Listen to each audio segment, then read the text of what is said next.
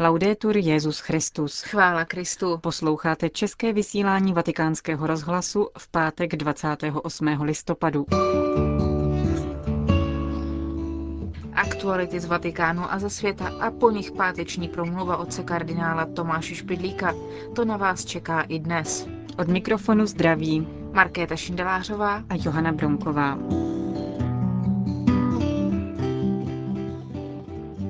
Zprávy vatikánského rozhlasu. Vatikán. V návaznosti na nedávno skončený biskupský synod věnovala Kongregace pro bohoslužbu a svátosti každoroční studijní den tématu Boží slovo v liturgii. Zasedání je naplánováno na zítřek v Aula Magna a zahájí ho promluvou kardinál Albert Vanoje. Hovořit bude o liturgické hermeneutice slova. Synodní otcové zdůraznili, že liturgie je privilegovaným místem, kde se boží slovo vyjadřuje v plnosti.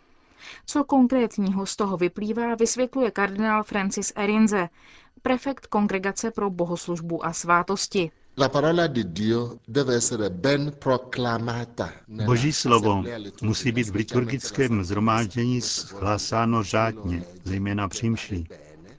To znamená, že ten, kdo ho čte, musí být dobře připraven. A také ambon, akustika musí být v pořádku. Kdo čte, musí číst tak, aby to lid mohl sledovat. Nesmí číst příliš rychle. Nesmí se soustředit sám na sebe. V centru musí být jedině Boží slovo. To je to hlavní.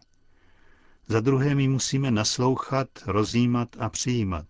A za třetí Musíme být odhodláni k tomu, abychom pokračovali ve čtení posvátných textů. Nejen během vše svaté, ale také před ní a po ní. Pokračovat ve čtení písma svatého každý den, v duchu modlitby, v duchu liturgie a v duchu synodu. Synodní otcové také podpořili vytvoření homiletického direktoria. Biskupové, kteří se účastnili synodu, považují homilie za velmi důležité. Proto jsou znepokojeni tím, že jejich kvalita v církvi není na tak dobré úrovni, jak by bylo žádoucí. Také synod o Eucharistii před třemi lety žádal kompendium homiletických témat, v němž by v tříletém cyklu nebyla vynechána žádná část katolické pravdy. V praxi se jedná o čtyři části katechismu katolické církve a to, že někteří kazatelé mají ve zvyku nedotýkat se některých témat, buď proto, že jsou citlivá nebo obtížná, nebo protože někdo o některých věcech nechce mluvit. Evangelium musí být hlásáno bez slevy. To je jedna z věcí, které znepokojují. Někteří účastníci synodu požádali prokazatele o přesnější naznačení směru k dosažení ideální kvality homilie. To by mělo být ve skutečnosti úkolem kněžských seminářů a liturgických institutů. To, že my biskupové jsme to na synodu navrhli, znamená, že tuto věc bereme vážně. Je to pro církev velmi důležité. Říká kardinál Francis Arinze, prefekt Kongregace pro bohoslužbu a svátosti. Ženeva. Mezinárodní konference o výchově a vzdělání pod patronátem UNESCO proběhla v minulých dnech v Ženevě. Raport, který byl výchozím pracovním materiálem, zdůrazňuje neúčinnost politiky v oblasti školství a neplnění slibů na mezinárodní úrovni. Vyplývá z něj, že 75 milionů dětí na světě nedochází do škol. Nejčastějším důvodem bránícím školní docházce je bída, politika segregace, migrační procesy a diskriminace děvčat a postižených.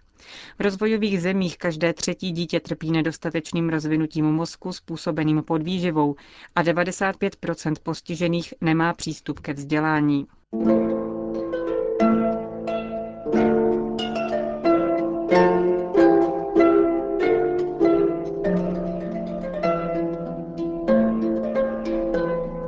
Pavel povolaný za apoštola. Páteční promluva otce kardinála Tomáše Špidlíka.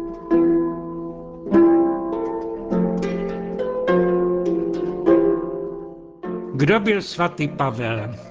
On sám se představuje takto. Pavel povolaný za apoštola. To slova stačí k tomu, abychom si uvědomili jeho místo v dějinách křesťanství a úctu, kterou má v církvi. Ale co znamená ten výraz konkrétně v dnešním světě? Představili mě jednoho pána s tímto titulem, že apostolos. Chvíli to trvalo, než jsem si uvědomil, že to vyslanec řecké vlády. My známe to slovo daleko víc ze souvislosti Evangelia jako titul těch, které vyslal Kristus. Jděte ke všem národům a získávejte mi učedníky a učte je. Měli dosvědčovat to, co na vlastní oči viděli a učit to, co slyšeli. Bylo jich jednáct, protože jeden odpadl, byl však doplněn svatým Matějem, aby se zachoval biblický počet 12 kmenů izraelských. Ale jak to je, že k ním byl přizazen ještě někdo docela nový, svatý Pavel. On sám opakuje vícekrát a důrazně, že i on je apoštol. Na počátku listu k Římanům se představuje takto. Pavel, služebník Krista Ježíše, povolaný za apoštola, vyvolený ke zvěstování Božího evangelia. Kdo jej k tomu povolal? Píše takto. Bůh, který mne k tomu vyvolil už v těle mé matky, rozhodl se zjevit mě svého syna, abych radostnou zvěst o něm nesl všem národům. Nebyl to tedy on sám, kdo si vybral ten úkon, ale byl zavolán od někoho jiného. On sám měl předtím docela opačné úmysly. Slyšeli jste přece o tom, jak jsem si kdysi vedl, když jsem byl ještě oddán židovství, jak horlivě jsem pronásledoval církev Boží a snažil jsem se jí vyhubit. Vynikal jsem ve věrnosti k židovství nad mnoho vrstevníků v našem lidu a nadmíru jsem horlil pro tradici našich otců. Ten fakt nás vede k zamýšlení nad tím, jak vlastně dochází člověk k poznání toho, v čem je jeho vlastní povolání, jaká má být jeho práce. Je to problém všelický. Ve staré tradiční společnosti bylo jeho řešení snažší. Synové přebírali hospodářství po otci, tovariši po mistrovi, rodiny vznikaly v domácím prostředí. Dnes, dnes se pohybují světem miliony vystěhovalců, bezdomovců, bez stáleho zaměstnání. Jak jim pomoci? Státy se pokouší řešit otázku sociologicky, ale nestačí na to. Na slabosti čistě lidského řešení poukazovali už ve starověku filozofie stoického směru. Tvrdili, že se člověk jednotlivec musí zařadit do harmonie kosmického řádu, protože jenom tam najde své místo určené přírodou. Svatý Pavel se dovede postavit problému teologicky. Z Bible víme, že sám Bůh svět stvořil a vede a od věčnosti každému tvoru předurčil jeho místost. Tím více tedy i každému člověku. Ale zjevuje je kdy? Po nenáhlu a v čase. Užívá tedy Pavel dvou výrazů pospolu. My lidé jsme ke svému pravému místu ve světě předurčeni a pak povolání. Jak spolu ty dva výrazy souvisejí. V církevní tradici se často mluví o povolání zvláštním, ke kněžství, k duchovnímu stavu, k apoštolátu. Čím se liší od povolání světského? Není to jenom druhem činnosti, ale rozdíl je i v zásadním postoji. Jak si kdo vlastně povolání volí? Nejdřív se předpokládá, že člověk skutečně existuje. Pak objeví, že má jisté schopnosti a sklony a podle toho si své povolání svobodně zvolí. Doporučují se dnes i předběžné psychologické zkoušky, aby se o svých vlohách nezmínil. Ale nakonec se musí rozhodnout sám a svobodně k tomu, co vlastně on sám chce. Z hlediska náboženského však vyniká opačný postoj. V mysli Boží je na prvním místě úkol, kterému Bůh každého chce člověka poslat a proto jej stvořil. Je k tomu tedy i předurčen. Teologové se toho výrazu dost obávají, zdá se neslučitelný se svobodou a osobní odpovědností. Svatý Pavel se ho naopak nebojí. Na vlastním životě pozoruje, že se tu setkávají dva postoje, které by nedokázal smířit člověk, ale které spojil Bůh. Bůh je totiž věčný, neproměnitelný, ale je současně láska a život. A člověka stvořil ke své podobě. Dává mu proto poslání pro celou věčnost, ale přitom jej povolává, aby se svým určením spolupracoval svobodně a v lásce. Nestačilo by k tomu ovšem jenom teoretické poučení, vidění abstraktního ideálu, ale musí se mu zjevit Bůh osobně jako láska. Takové vidění měl Pavel ve zjevení u Damašku, jak se mu zjevoval potom i nadále v okamžicích mimořádných vidění a ve zkušenostech denního života. Viděl tedy i on Krista a cítí se zavázán o tom dosvědčit celému světu, podobně jako 12 apoštolů. Byl k tomu předurčen od věčnosti, ale zjevení toho se mu dostalo v jistém časovém okamžiku. Píše o tom Galackým. Slyšeli jste přece o tom, jak jsem si dříve vedl. Ale ten, který mě vyvolil už v těle mé matky a povolal mě svou milostí, rozhodl se zjevit mě svého syna, abych razrosnou zvěst o něm nesl všem národům.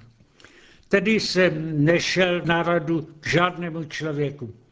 Ani jsem se nevypravil do Jeruzaléma k těm, kteří byli apoštoli dříve než já. Skeptici, kteří o tom čtou, se ovšem mohou ptát, je to, co dosvědčil Pavel ze zjevení naprosto stejné s tím, co učili ostatní apoštolové, kteří znali Krista z osobního zaručeného styku? Jsou někteří exegeti, kteří chtějí jistý rozdíl stanovit. Mluví o obrazu Krista, který známe z Evangelium, a o křesťanství pavlovském, které má být v některých rysech pokročilejší.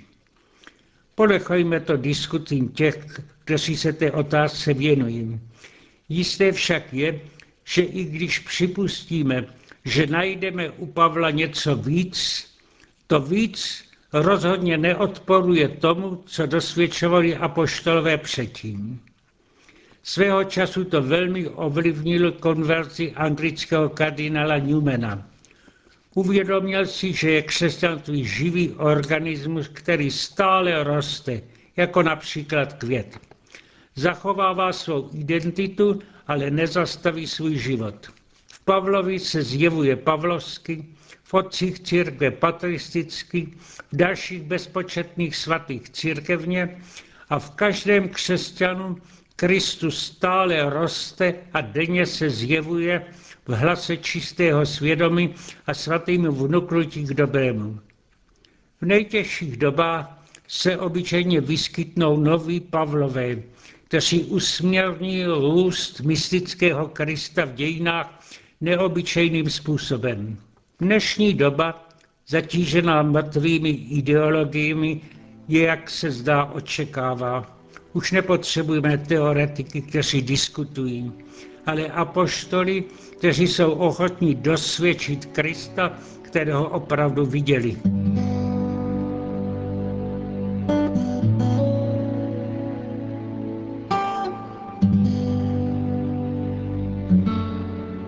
To byla páteční promluva kardinála Tomáše Špidlíka a s ní končíme české vysílání vatikánského rozhlasu. Chvála Kristu. Laudetur Jezus Christus.